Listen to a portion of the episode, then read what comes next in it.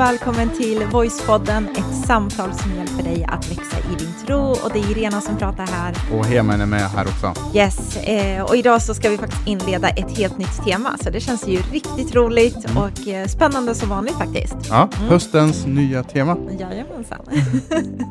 Eh, på tal om höst, det är mm. regnigt mm. och kallt mm. och mysigt. Jag älskar, när jag ser hösten så tänker jag nu är det min tid.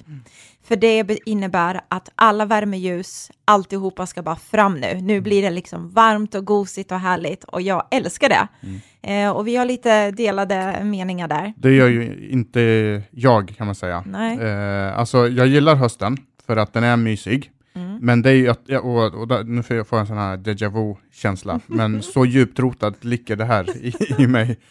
Eh, och det är det, precis det här som du säger, det här med att ta fram alla stearinljus. Mm. Alltså hela lägenheten fylls med tända ljus. Mm. Det blir kokhett, och, så, och, och, speciellt när man ska typ, ja men ikväll ska vi ha eh, till exempel eh, fredagsmys med några vänner till oss, mm. några av våra närmaste vänner. Eh, och då, de bara, är vi era närmsta vänner? Precis, de, får, de får veta det nu. Nu höjer vi... De enda vi har! Nej, nu höjer vi ribban. Och kraven också.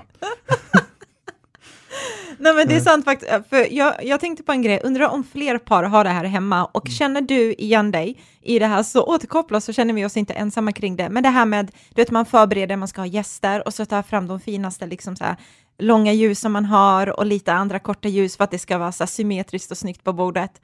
Och sen kommer du fram och så tänker du bara funktionellt, bara, nej men man ser ju inte varandra. Och så ska du bara plocka bort, så här, så här nedmontera liksom den här vackra skapelsen av ljussättning som jag har gjort. Mm. Så där är det alltid så frustration där, eh, lite så, man mm. ger varandra ögat. Jag, jag, är, jag är mer så här, liksom, var sak har sin plats. Och när vi sitter runt bordet, då är fokus mat. Då ska vi äta, då ska vi inte... Vi ska överleva vi ska den här kvällen genom att få i oss mat. Precis, vi ska inte titta på de här. Men det som händer ju, det är ju att det är en massa stearinljus, och när man var yngre, då var det ju liksom små, eh, liksom, vad heter de, värmeljus. värmeljus ja. Och lite så här eh, mm. små krafts liksom som man slänger ut.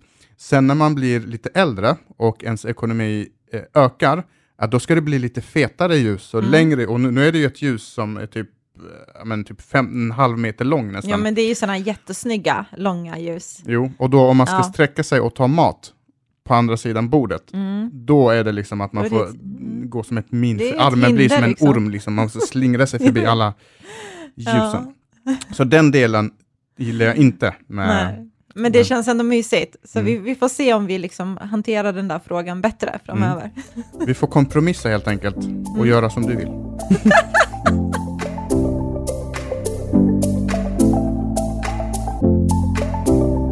Ja, men den här veckan startar vi som sagt ett eh, nytt tema för den här terminen som ska sträcka sig över några veckor och som alla vet älskar vi att jobba utifrån teman. Eh, och det var en av anledningarna till varför vi startade Voicepodden. Eh, det var just att vi tröttnade lite grann på alla så här små häftiga citat på Instagram och Facebook och Twitter och överallt. Mm. Eh, därför att det finns alltid mer att säga om de här sakerna och det blir lite ytligt och och så, så att jag älskar liksom att kunna djupdyka i, i ett ämne. Eh, och normalt sett så brukar våra teman heta det de är. Så mm. om vi pratar om hopp, då, handlar det, då heter temat hopp. Om vi pratar om ondska, då heter temat ondska och så vidare. Eh, men den här gången kommer vi göra ett tema som mer kanske man skulle kalla av, av en serie, mm. eh, där vi grupperar ihop några olika poddavsnitt. Och titeln på det här temat heter Överlevnadskit. Och det här fick vi utifrån, eh, men vi har ju berättat om den här storyn mm. när vi var eh, på fjället. Det är ju liksom baserat på en verklig händelse. Precis, based on a true story. när vi fick liksom insikter i, oj, hur, hur man behöver veta vissa saker för att överleva eh, uppe i fjällen, liksom när man vandrar och Ja, är Exakt. det äventyrlig helt enkelt. Ja, och kommer man in på det här temat, då är det de två senaste avsnitten, någon av de två eh, avsnitten innan det här avsnittet, som man kan lyssna på för att veta vad den storyn handlar om. Det var helt enkelt så att vi var uppe på fjället och vi gick vilse. Mm. Vi trodde att vi eh, visste vad vi höll på med, men vi var felklädda. Vi hade inga, vi, liksom ingen eh, lo, lokalsinne har jag i och för sig, fast då är det inne i stan med byggnader mm. och, och sånt och där. Skyltar och inte, in, mm. Precis, inte uppe på ett berg där det bara finns träd och moln i princip.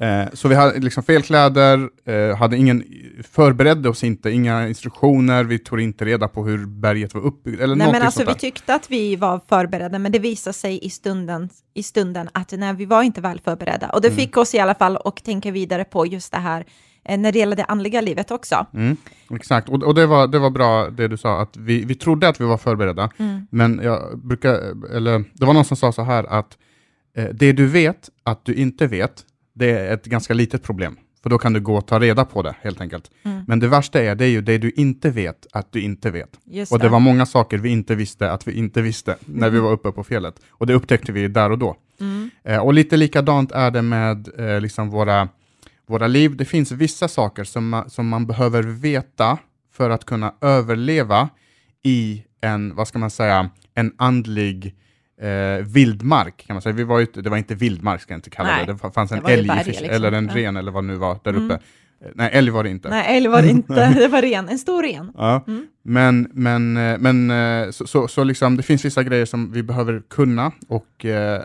och, och det är det det här temat handlar om. Att vi, alltså livet ibland är som en vildmark. Vi Mm. går igenom livet, det finns fällor längs vägen, vi går snett ibland, vi går vilse ibland, ibland är det riktigt, riktigt tufft. Mm. Ibland skadar man sig och vill bara gå tillbaka. Liksom. Ja. Eh, och, och så finns det några saker inom den kristna tron, liksom att det här behöver sitta, det här behöver man veta, för då blir livet mycket, mycket lättare. Mm. Eh, och först ut är ett avsnitt som heter Vad är det jag tror på egentligen? Ja, det är jättespännande. Eh, och det handlar lite grann om, eh, om eh, liksom, hur förklarar jag min tro? Mm. Eh, för det har, man, det har jag hört hur många gånger som helst, att liksom så här, men det känns jättebra, jag tror på Jesus, eh, jag tror på Gud, men, men eh, jag har liksom min partner eller jag har min kompis och jag vill förklara, men jag vet inte riktigt hur jag ska förklara. Mm. Eh, och när man då frågar, men vet du vad det är du tror på? Då har man också svårt att sätta ord på, men vad är det jag tror egentligen? Och vad, Mm. handlar den, kristen, vad handlar den kristna tron om egentligen? Exakt. Eh, så det vill vi sätta liksom grunden för. Det är verkligen det viktigaste du behöver eh, veta eh, i din tro. Mm. Och nu ska jag slänga ut en utmaning Mm. som du inte visste, Till mig? till dig. Ja. Oj, vad spännande. Eh, därför att vi kommer ju prata... Jag gillar ju i, utmaningar. Det här har hänt för några månader sedan. Ja, men vi får Ja, se om du klarar, klarar den här. Oj, okej. Eh, men vi kommer ju prata i typ 20 minuter, eh, och det, eller en halvtimme. Mm. Och det är inte alltid man har 20 minuter till en halvtimme på sig om någon frågar typ så här, "Ja, men vad, vad tror du för någonting? Mm. Eller man ska berätta om sin kristna tro. Exakt. Så vi kommer först djupdyka lite, djupdyka på ytan kan man säga. Ja. För det finns mycket djupare grejer man kan säga än det vi kommer prata om idag. Eh, men sen på slutet av det här avsnittet så kommer du få en utmaning att du ska försöka summera allt vi har sagt på några få meningar. Oj, vad spännande. Eh, och man, kommer, man brukar kalla det på engelska, eh, eller på svenska också i och för sig, hisspitchen. Alltså Mm. om, du sit, om du är i en hiss och ska åka upp liksom till översta våningen och så frågar någon vad är det du säljer? Och så ska du kunna förklara det. Vad spännande. Vad tror du om det? Det låter jättekul. Mm. Mm, vi kör. Eh, men eh, det, det är en viktig del det här att faktiskt kunna förklara vad är det jag tror på, att konkretisera det lite. Och jag kommer ihåg när jag gick i gymnasiet, för jag eh, gick så estet eh, och gick i dans eh, och tänkte att men det är liksom det är det enklaste möjliga att klara av skolan med, så vi kör. Var det därför du valde den linjen? Alltså det var ju inte för att bli någon yrkesdansare, det kan jag inte säga. Men... Nej, för det har du inte blivit. Det har jag inte blivit långt ifrån. Men, eh, men däremot så ville jag liksom göra någonting som kändes roligt och kreativt och sådär. Jag var väl lite skoltrött, jag vet inte. Men hur som helst, då kommer jag ihåg att jag liksom, jag började ju tro på Gud när jag var runt 15 år, så typ så här, bara något år innan jag började gymnasiet där. Och jag gick ju all in liksom och fick ju fantastiska upplevelser och fick se saker och ting Gud verkade i mitt liv och jag fick bli använd av Gud och så vidare. Och då ville jag dela med mig av det här, för jag var så här, om andra bara får reda på att det finns en Gud som älskar en, det finns en Gud, du kan ha en relation med honom, det är inte bara någon liksom så här eh, institutionstänk eller något sånt där liksom, utan det är på riktigt. Ehm, och då tyckte jag att det var utmanande för min del. Hur ska jag dela min tro med mina vänner? Hur ska jag förklara min tro på ett sätt att de förstår och på ett naturligt sätt?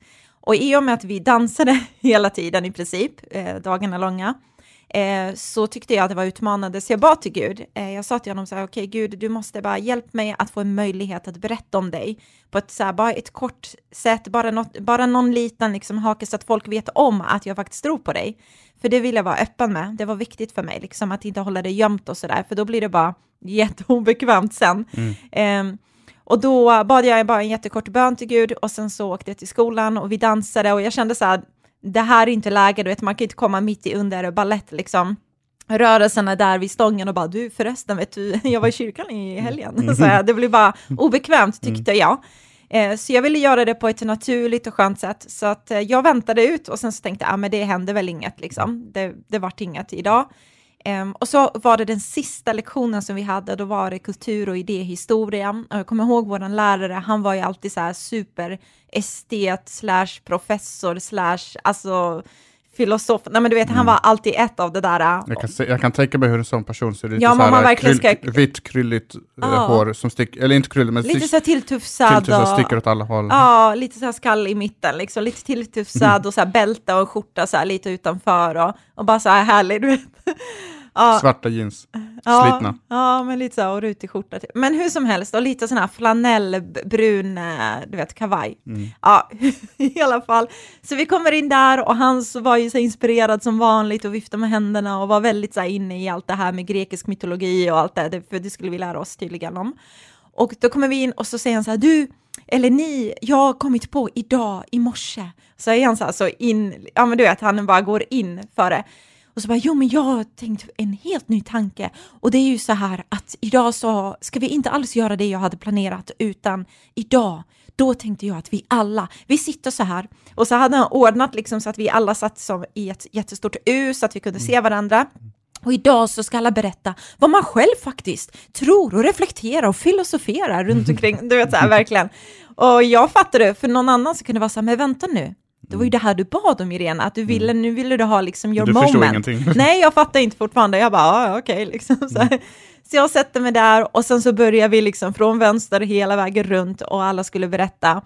Eh, och det som var spännande, dels så upptäckte jag att det var en annan tjej i min klass som också trodde på Gud, vilket var lite så här roligt. Mm. Eh, och sen så gick det ganska snabbt, för det var inte så många som trodde på något eller han reflektera. Och så kom vi till, till mig. Och då fattar jag fortfarande inte att det var my moment att berätta faktiskt. Men då bara berättade jag kort, liksom, men jag tror på Gud, jag tror på Jesus, att han kom och jag tror att Bibeln är liksom Guds ord och, och sådär. Eh, och så började jag dela lite så, han bara ja, jag upplever att det är en sån passion när du talar. så du vet, han var ju verkligen jättehärlig. Mm. Eh, och sen åker jag hem eh, tillbaka, liksom, hem sitter jag där på tunnelbanan i Stockholm och sen så fick jag bara tanken, bara, kommer du ihåg Irena, det var ju det här du bad om. Mm. Och det kändes som att Gud var, alltså jag gav ju dig möjligheten liksom. Det. Så det var häftigt, men jag kom ihåg att jag som, redan när jag kom till tro, att det var viktigt för mig, hur ska jag förklara det jag tror på? Mm. Alltså för jag tar ju ställning för någonting, jag säger att det här är en sanning för mig, och hur konkretiserar jag det? Eh, så jag, vi kommer ju prata om det här, hur mm. kan vi bryta ner det och prata om det liksom. Eh, och för vissa så kan den här frågan skapa en viss osäkerhet, alltså just när någon säger så här, okej okay, men vad är det du tror på? Mm. För andra kan det vara, jag vet exakt, yes, ett, två, tre, liksom så har man förberett. Mm. Men för andra kan det vara så här, oj, vart ska jag börja, vilken ände börjar man och hur förklarar jag mina upplevelser och så vidare. Just det, och Bibeln säger ju det, att vi ska vara på, eh, liksom beredda att dela med oss av våran tro, att mm. förklara våran, eh, våra tro eller vårat hopp eh, och, och göra det på ett respektfullt sätt och på ett ödmjukt sätt. Men, men, eh, men det är no liksom någonting som eh, men det är bra att veta, liksom. Mm. Eh, framförallt för sin egen skull, så att man inte tappar ansiktet. Liksom. Ha, du tror på något, men du vet inte riktigt vad det är. Ha, hur trovärdigt är det? Eh, mm. liksom, har du hamnat i någon sekt eller mm. så? så därför är det jätteviktigt att, att liksom förstå det.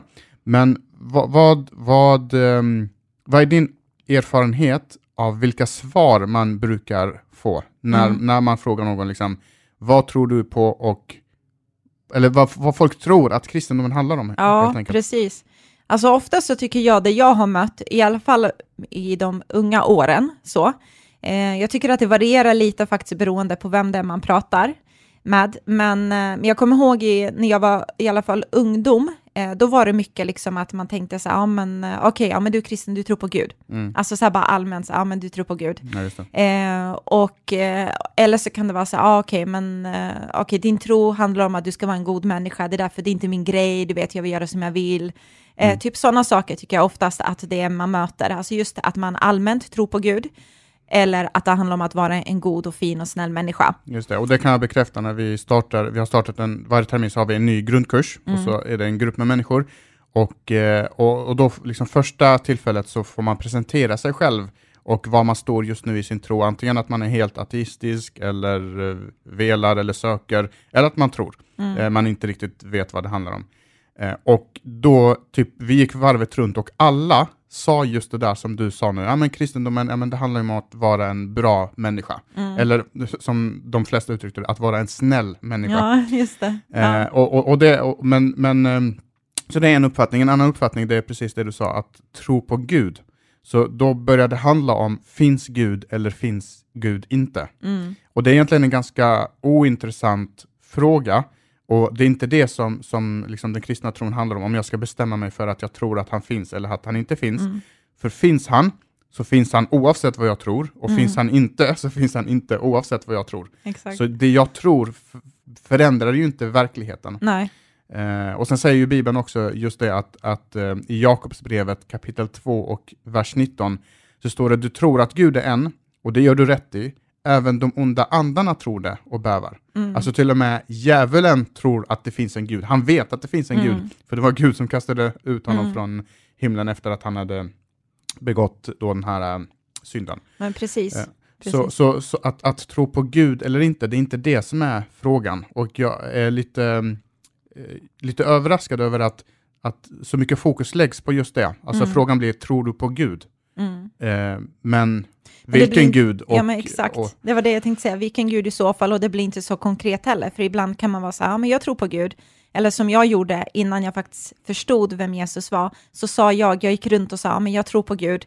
Och då hade jag skräddarsytt min egen uppfattning av vem den här guden är. Och det var liksom ingen som jag behövde ha räkenskap inför, eller det var ingen som skulle vara min herre, utan det bara, det finns en gud där, I do my thing här, och sen så är man nöjd med livet liksom. Eh, att det i sig är inte det frälsande om jag tror på, på det, bara allmänt på en gud. Precis. Och jag skulle säga också att även om jag tror på rätt Gud, eh, inom citattecken, Mm. även om jag skulle veta att den guden jag tror på det är Jesus, eh, så, så, ha, så handlar inte frågan om om Jesus har funnits eller inte. Nej, det är inte det frågan handlar om, utan kristendomen handlar om någonting helt annat. Det var vad Jesus faktiskt gjorde och vilket problem människor har och vilken lösning som kristendomen då Mm. eh, kommer och, och löser. Precis, och det är lite det vi ska prata om. Innan vi går in på det, jag bara tillbaka till den här punkten med att vara en god människa. Vi har faktiskt haft ett helt poddavsnitt eh, kring den här lyssnarfrågan. Kan icke-kristna vara goda eller måste man vara kristen för att bli god? Och det är i podd eh, nummer 81. Så det vill jag rekommendera att lyssna, för då pratar vi om det här med vad innebär det att vara en god människa och hur ser Gud på kriteriet av en god människa liksom.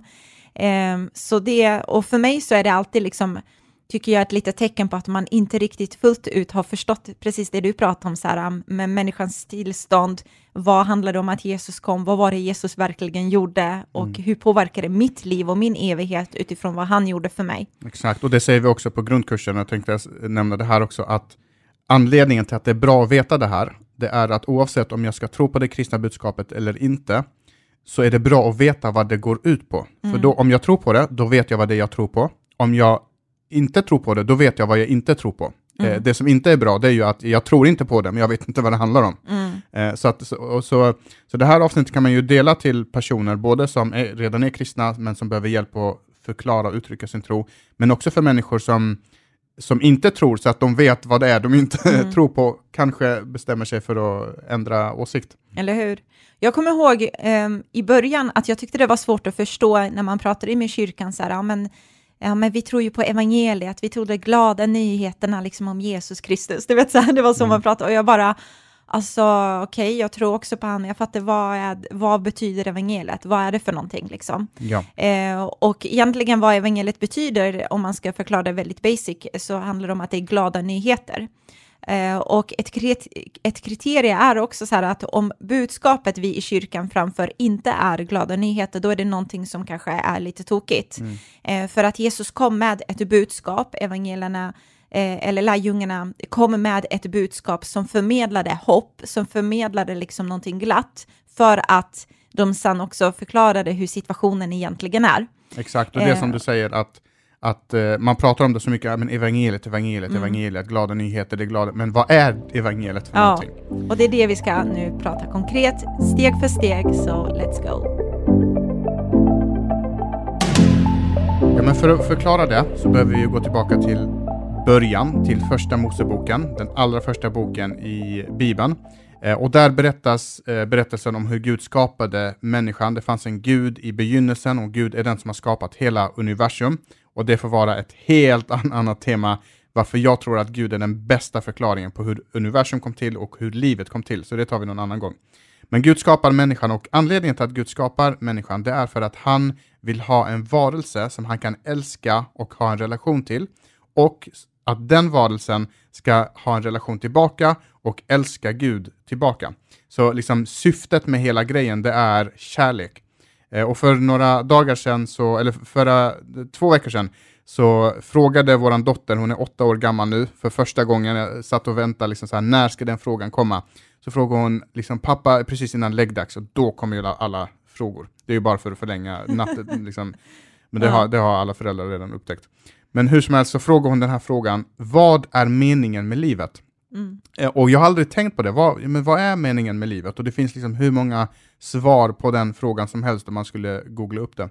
Men i den sekunden så var det som att jag bara fick en snilleblixt och jag tror faktiskt att det var den helige ande som, som kom med det svaret. Eh, så ställde jag en motfråga, istället för att svara så ställde jag en motfråga. Så sa jag, men, eh, innan jag svarar på frågan, skulle du kunna svara på frågan, vad är meningen med familjelivet? Alltså hon ställer frågan, vad är, vad är meningen med livet? Men vad är meningen med familjelivet? Och då sa hon, jo men det är ju att vi ska vara tillsammans, att vi ska tycka om varandra, vi ska älska varandra, vara snälla mot varandra. Och då sa jag, ja, det är typ det som är meningen med livet också, att vi ska vara tillsammans med Gud, vi ska älska Gud och han, ska, och han älskar oss tillbaka, så att det ska finnas en relation. Mm. Så det är liksom eh, tanken med, med varför Gud skapar eh, människan. Men för att kärlek ska kunna existera så måste också fri vilja också existera. Eh, därför att man kan inte tvinga någon att älska. Eh, om jag skulle få reda på att du var förprogrammerad eller tvingad att älska mig, då är inte den kärleken, då är det inte kärlek för mig, utan då, då har någon annan sagt åt dig, det här måste du göra. Mm. Så Gud skapar människan och han vill ha, målet är kärlek och då skapar Gud människan med en fri vilja. Men det är inte så att Gud skapar, eh, och, och för att det ska vara en fri vilja så måste vi kunna välja, så det måste finnas val. A eller B, typ. Mm. Exakt. Och det är inte så att Gud skapar liksom eh, här, de här valmöjligheterna, att det finns 50% av valmöjligheterna är goda och 50% av valmöjligheterna är onda. Utan Gud säger så här, du får göra, du får ta all, du får göra alla de här sakerna, typ en miljon olika saker får du göra, men det finns en enda sak du inte får göra. Bara för att kunna snika in den här fria viljan. Okej, det finns en sak som du inte får göra. Eh, men människan väljer då att ändå, trots det, göra den där enda saken. Och Gud hade förvarnat människan att om du gör den där enda saken, eh, och det var att äta frukten av ett träd med kunskap om gott och ont. Om du gör den här enda saken, då kommer du döden dö. Men djävulen kommer till människan och säger, nej men det stämmer inte, Gud bara, eh, det, liksom, han talar inte sanning, du, du kan visst äta av trädet. Så de äter av trädet, de dör inte fysiskt, men vad Nej. som händer det är att de dör andligt. Så på grund av att de gjorde det här felet, den här synden, så skapade det ett dåligt samvete i dem. Eh, och det har alla vi som, vi som sitter här och alla som lyssnar. Alltså man har någon gång i sitt liv fått dåligt samvete, s- speciellt gentemot en, en person. Och då blir det jobbigt att träffa den personen. Mm. Så Adam och Eva får dåligt samvete och det dåliga samvetet drar bort Adam och Eva från Mm. Gud. Det berättar om att de kände skam. Precis, de känner skam, Mm. de drar sig bort från Gud. Och, eh, och då är det också så här att Gud är en domare, det är han som liksom regerar över hela universum. Så han ska ju döma över gott och ont och han ska döma över människor och hans vilja är att han vill inte döma oss, utan han vill att vi ska kunna ha en, eh, en relation. Men det gör ju att Adam och Eva blir rädda för Gud, de drar sig undan och får det här dåliga samvetet och där bryts relationen mellan människan och Gud. Mm. Så det som var Guds tanke är inte längre. Eh, och, ehm, eh, och där startar Gud en apparat, liksom, hur ska jag kunna få kontakt med mänskligheten igen? Eh, och Gud hade ju sagt att när man äter av den här frukten, när man gör den här enda saken, så kommer man döden dö. Mm. De dog inte fysiskt, men de dog andligen. Och den här andliga döden, det är just separationen från Gud. Precis, och det är det man kan säga är vår default liksom, eh, läge som människa. Exakt. Att andligt sett så är vi döda och det är någon annan som behöver liksom väcka liv i oss Precis. eh, och blåsa Så- liv i oss. Så vi Mm. föds in i det här tillståndet, men det är inte bara så att vi kan skylla på Adam och Eva, men det var Nej. deras fel, utan varje människa gör sig också skyldig för sin egen synd. Någon Mm. gång när man växer upp så lär man sig, okej, jag kan tala sanning, eh, ta, jag kan ljuga istället för att tala sanning, jag kan ta det som inte är mitt, eh, och, och så vidare. Så att vi bär alla på synd, och Bibeln säger just det, att alla har syndat, utan undantag. Mm. Alla människor i hela världen har syndat. Och det tycker jag är någonting, man kan tycka så här, men det där låter lite hårt. Men jag tycker att det är fint. Och jag tycker det är fint och jag tycker det är vackert på grund av att när vi kommer till kyrkan, när vi träffas som kristna, så är vår gemensamma bekännelse det som är sanningen. Det Mm. vill säga att vi är syndare, vi är inte perfekta människor och när vi har den gemensamma bekännelsen, då behöver vi inte spela spel. Då behöver vi inte leka Allan och sätta på masker och dölja saker för varandra, utan vi vet, vi sitter i samma båt och vi behöver hjälp. Mm. Så det tycker jag är vackert utifrån det perspektivet. Sen är det inte lika vackert med tanke på att synd är inte vackert i sig. Nej, men det är det inte. Och det är så att det skiljer oss från Gud. Alltså den här relationen som vi är ämnade för har ju brutits helt och hållet och vi kan inte klättra i oss själva eh, till Gud eh, genom att försöka liksom, ja, men dölja den här synden eller skammen eller liksom den här brustenheten som har kommit in. Eh, vi kan inte försöka fabricera att vi är eh, perfekta eller heliga som Gud är. Liksom. Eh, så det blir också en väldigt eh, tuff situation för oss eh, som vi befinner oss i, alltså som människan befinner sig i, i den här sitsen av att okej, alla sitter vi i samma båt, alla är vi syndare, hur får jag tillbaka den här kontakten med Gud? För att han är fortfarande, även om han älskar oss så är han helig, som du säger, så är han perfekt. Så han är alltid genom god, alltid genom ren. Och alltid eh, genom rättvis också. Precis, exakt. Eh, Så han är rättvis och han behöver döma rätt och våran synd skiljer oss från Gud. Men det här är en jobbig sits för oss, men det är en ännu jobbigare sits för Gud. Därför att han älskar oss otroligt mycket. Han vill inte vara skild från oss, men våran synd skiljer oss från eh, Gud. Och eh, Och det som jag älskar, som jag blir så här lite pepp nu när jag hör dig prata kring det här, och det bara bubblar inom mig, är att den kristna guden, alltså han står inte bara där och liksom så här, ja, nej, det var ju, nu har ni verkligen eh, gjort det riktigt, riktigt illa för er. Och sen så har han armarna i kors och tycker att nu ska vi ta vårt straff. Utan det finns en genuin passion och kärlek till oss människor. Eh, så han försöker hitta lösningar som är korrekta och rätta. Yes, och, och den lösningen som Gud kommer med, den kommer han med redan samma sekund som mäns mänskligheten vänder Gud ryggen. Eh, och så börjar han planera då den här lösningen. Och dilemmat som Gud står inför, det är som sagt det här, han älskar oss så mycket, så han vill vara med oss, men våran synd skiljer oss ifrån honom. Eh, och han, han behöver liksom lösa det på något sätt. Eh, och då, då finns liksom, om jag har en skuld på mig, då kan jag bli av med den skulden på olika sätt. Antingen så kan jag betala tillbaka skulden, eh, rentvå mig, eh, eller inte rentvå, utan jag betalar tillbaka skulden. Eh, och det klarar jag inte av, för att, vi, att betala tillbaka skulden innebär att jag måste leva perfekt som människa, därför att Gud är perfekt. Och Gud kan inte liksom, ja men jaha, har du bara varit pedofil med ett barn? Ah, Okej, men då, eh, då, då, då får det gå.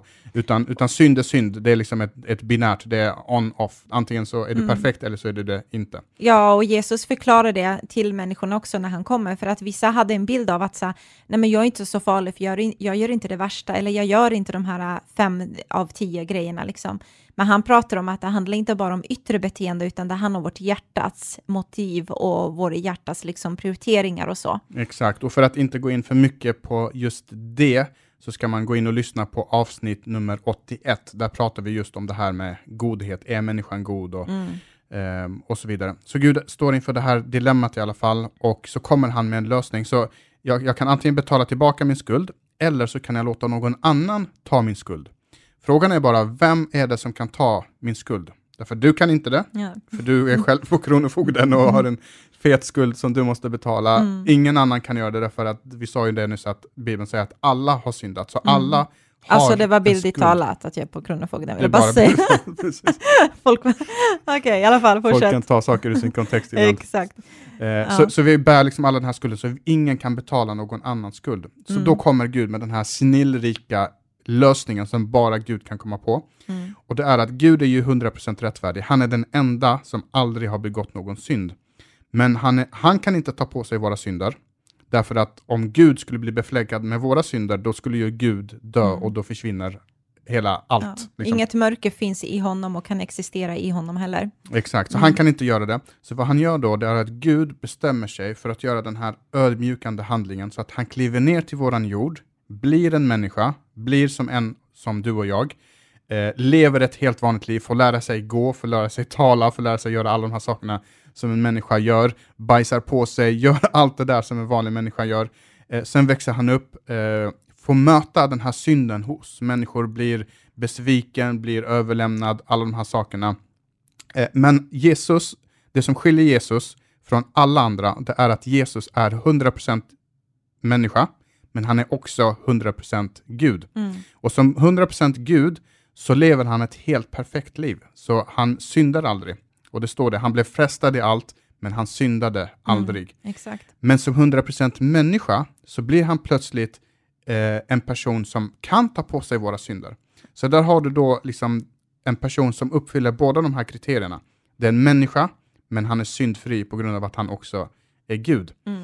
Så det eh, Jesus gör då det är att han ger sig själv till eh, som lösen för oss. Han betalar våran skuld genom att istället för att vi dör andligen så dör Jesus i vårt ställe, både andligen och fysiskt. Precis, det är det Bi- Bibeln pratar om, att straffet blev lagt på honom. Alltså han blev synd eh, för vår skull. Exakt, så man Mm. hänger honom på, man, först så piskar man honom eh, och han är liksom helt blodig, liksom huden hänger på honom, eh, liksom skelettet är utblottat eh, och man tror att man är klar med honom men istället så väljer man att man vill ta det ett steg längre.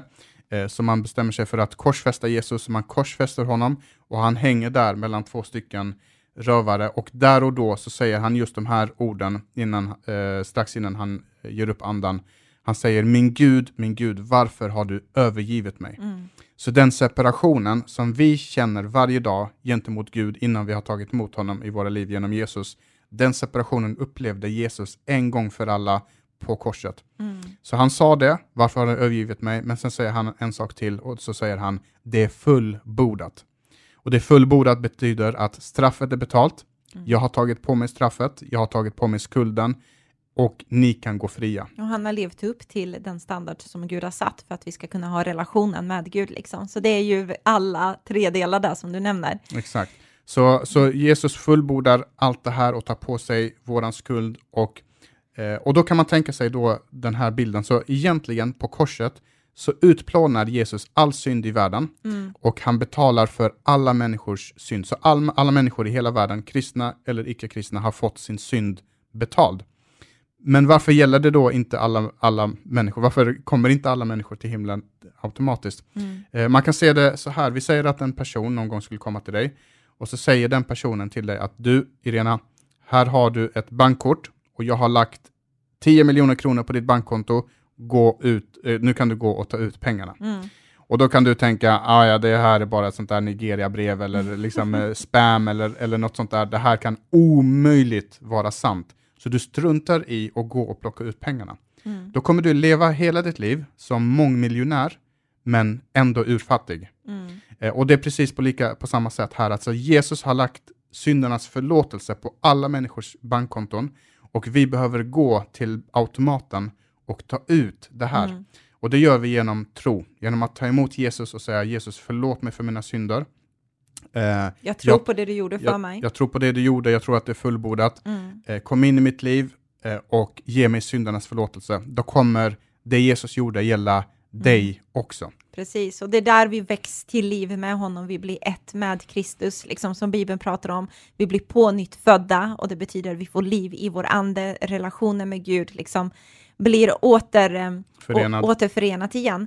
Eh, och Bibeln pratar om just det här, det Jesus gjorde, att Gud älskar oss som människor, att han kliver ner och blir en människa i Johannes evangeliet i kapitel 3 och vers 16-18 som är ett välkänt liksom, bibelord som man citerar och säkert har läst många gånger själv i sin bibel. Men då står det så här, så älskade Gud världen att han utgav sin enfödde son för att var och en som tror på honom inte ska gå förlorad utan ha evigt liv.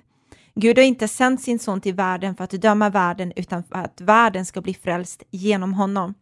Den som tror på honom blir inte dömd, men den som inte tror är redan dömd eftersom han inte tror på Guds enfödde sons namn. Mm. Så här så ser vi flera olika saker. Gud kommer, han ger sitt liv för att vi som tror på honom tar emot det här som du pratar om, ska inte gå förlorade utan ha ett evigt liv tillsammans med honom. Och det får vi inte glömma också i den här eh, människans berättelse, att vi, det handlar inte bara om att Gud ska rädda oss här och nu, utan det handlar om en evighet. Vi kommer vara någonstans i en evighet och Jesus har gjort det möjligt för oss att kunna vara med honom i all evighet. Innan vi avslutar här, du, du fick en utmaning här i början, Mm, eh, där du just ska göra den här hisspitchen. Så nu Oj, kommer jag oj, oj. berätta en annan vinkel på det hela som ännu mer förklarar liksom hur det här eh, funkar. Och under tiden jag berättar den så får du tillåtelse av mig att zooma ut. Du behöver inte lyssna på mig nu, de kommande två minuterna. Okej. Du är en så bra lyssnare annars, eller hur? Ja, visst. Så nu får du fundera och, eh, och eh, som sagt, ett, ett jättebra sätt som jag, brukar, som jag ofta brukar ta för att förklara allt det här, det är en, en berättelse som jag läste en gång. Eh, och den handlar om två personer, två vänner som växer upp tillsammans, två unga människor. Eh, och när de växer upp så, eh, de leker tillsammans, de gör allt det här, men när de växer upp och börjar i gymnasiet, eh, och så börjar de i högskola och allt det där, så, så väljer de olika vägar i livet. Eh, och den ena vännen, han, blir, han fortsätter liksom sin skolgång, han går på gymnasiet, går i högskola och, eh, och, så blir han en, ehm, eh, han, blir en erkänd domare i området där han bor. Han blir en väldigt respekterad och erkänd domare.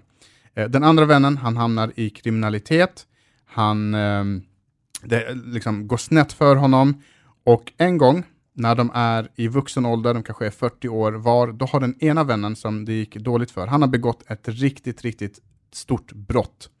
Eh, och han ställs inför rätta och nu är det dagen då han ska få sin dom. Och den här personen går in då i, i liksom, eh, eh, hörsalen, eller domarsalen eller vad det nu kallas, jag kan inte alla de här termerna. Eh, och när han går in där så ser han ett ansikte som han känner igen. Och längst fram då så ser han att det där är ju hans gamla kompis som han har växt upp med. Eh, och så uppstår ögonkontakt och den här domaren då, som är hans gamla kompis, genast så uppstår ett dilemma i honom. Därför å ena sidan så kommer alla minnen tillbaka, eh, han älskar sin gamla vän och han vill sin gamla väns bästa, han blir besviken såklart över att se honom i den situationen. Eh, men å andra sidan så är han också en domare och han måste döma rättvist. Det är det som är hans yrke, han måste döma rättvist. Så då gör han någonting som är helt fantastiskt. Så när rättegången går igång och alla liksom får säga sitt så ska han ge sin dom. Och då säger han så här, han dömer sin vän till, vi hittar på då, en miljon kronor i böter. Men sen så gör han det här då, efter när rättegången är över så kliver han ner från sitt domarsäte, kommer fram till sin vän, lägger armen om honom och så tar han upp en check, om det nu är så man gör nu för tiden. Han tar upp en check och så skriver han en check på just en miljon kronor för att betala sin kompis eh, straff. Och det är precis det Gud gör. Det är Gud som fäller domen över oss för att han är en rättvis och rättfärdig domare. Men det är också han som betalar den domen som han lagt över oss genom sin son Jesus eh, som dör för våra synder. Ja, Så jag den tycker jag den, eh, är riktigt fantastisk och härlig. Den är berättelse. grym den bilden, för den eh, liksom eh, gör det så praktiskt så att man förstår. Man behöver inte ha varit i kyrkan i hundra år för att eh, fatta det där. Så den älskar jag. Men nu, jag är laddad, jag är redo. Jag har tre olika versioner som man kan köra i Mm. Oj. hiss... Nej, jag bara skojar. Det var Eh. Ja, men precis. Alltså egentligen så, för, eh, för det är ju så lätt att man liksom, eh, krångla till det eh, och speciellt om man inte har mycket tid. Vi säger att du är och, fika med din kompis och du är på väg hem, du har fem minuter innan du ska liksom skiljas åt och hon frågar men vad är det du tror på egentligen, liksom, vad är grejen? Eh, och då tänker jag man kan ta det i stora block och den som är super teologiskt insatt kommer bara du glömde det här, du glömde det här. Mm. Men man kan ta det i stora delar för att bara få samtalet komma igång liksom och hur vi förklarar det. Eh, så i början, jag brukar alltid köra liksom att, ja, men, som du märker, världen är ju helt messed up. Bara, ja, verkligen, säg det till mig. Mm. Eh, världen, är inte tänkt, eh, världen är inte så som Gud har tänkt egentligen att det ska vara, utan grejen är så här att Gud har tänkt från alla, alla början att du och jag, vi är skapta för att ha en relation med honom. Eh, och han gav oss sin fri vilja, för Gud vill inte tvinga på någon. Om inte du vill tro på Gud och han tvingar dig, då skulle det inte vara bra, eller hur? Mm. Det bara, nej, verkligen inte. Jag vill kunna välja själv, Gud. Mm. Ja, men exakt. Så genom din fria vilja och genom min fria vilja får vi möjlighet att välja honom om vi vill lära känna Gud eller inte ha honom i våra liv. Men det vi människor gjorde var att vi valde bort honom. Vi ville vara vår egen Gud, vi ville gå vår egen väg och kontakten med Gud bröts där. Och allt vad Gud är, att han är godhet, han är kärlek, han är frid. Eh, han är ljus, han är allt det där. Eh, det fick inte lika mycket utrymme, utan mörker tog istället plats i våra hjärtan och det ser vi hur världen är, hur egoistiska vi är, hur allt det här sker. Och då brukar oftast kompisen bara, ja, verkligen, jag förstår dig vad du menar. Mm. Men Gud vill inte att det ska vara så för alltid, utan han kommer med en lösning. Och lösningen är att att någon behöver liksom få bort allt det här mörker och synd och allt det här ondska liksom. Och jag kan inte få till det i min egen kraft hur mycket jag än försöker. För du vet ju själv att du gör saker du inte vill göra som du liksom eh, tycker inte är bra. Mm. Eh, och då brukar den andra oftast säga, ja men jag håller med dig, visst är det så. Eh, så att man sitter i en sitt som är ganska knepig, liksom, hur ska jag få kontakt med Gud som är helig? Jag har massa saker, jag är liksom mest upp här och vad, hur, hur ska jag göra? Så Gud kliver ner, han blir en människa, han tar all mörker, all synd, allt det här som vi människor kommer till korta med på grund av vår, vårt beslut. Så säger Jesus, jag fixar alltihopa åt dig, jag tar synden, jag tar skulden, jag tar straff för att du ska kunna få ha en relation med mig igen. Mm. Så Jesus kommer, han gör allt klart och så säger han, jag gjorde det här helt och hållet fritt för att jag älskar dig och du får möjlighet att ta emot det här om du vill det. Så kan du bli återförenad, inte bara här och nu, utan i en evighet igen, som du är tänkt och skapat för att ha och liksom ha tillsammans med mig. Eh, så lite sådär kort. Mycket eh, bra. Mm. Ja, imponerad. Jag såg att du satt och skrev under tiden jag, jag, jag pratade. Här. Det här kom inte. du inte, du, du, kom på det här under tiden. Jättebra, ja. men det här är ett sätt att förklara det väldigt så här kortfattat och koncist. Och precis som du sa, det kommer finnas folk som, ja ah, men ni glömde det här och ni glömde det här. Vi lägger till några saker till. Jesus uppstod från döden. Mycket det viktigt. kommer alltid en sån här, ja fast han är inte död, han är uppstånden. Nej, han ja, han lever. är uppstånden. För att döden kunde inte hålla honom. Exakt. Varför kunde döden inte hålla honom? För att han inte hade syndat. Han mm. hade inte gjort något fel. Mm. Så han uppstod eh, från de döda. Och det är det som är det kraftfulla faktiskt, att vi har en Gud som inte bara hängde på ett kors som alla andra där, utan mm. han uppstod och lever än idag. Och det är därför Jesus förvandlar än idag miljontals efter miljontals människors liv idag, för det är en Gud som lever och är uppstånden. Precis, och när vi tar emot då syndarnas förlåtelse så gör vi det genom att omvända oss. Vi kommer till Gud och säger, jag har kommit korta, jag vill ändra mitt sätt att leva, jag vill, jag vill vilja, vilja leva rätt. Mm. Eh, och eh, kom Gud och förvandla mitt hjärta.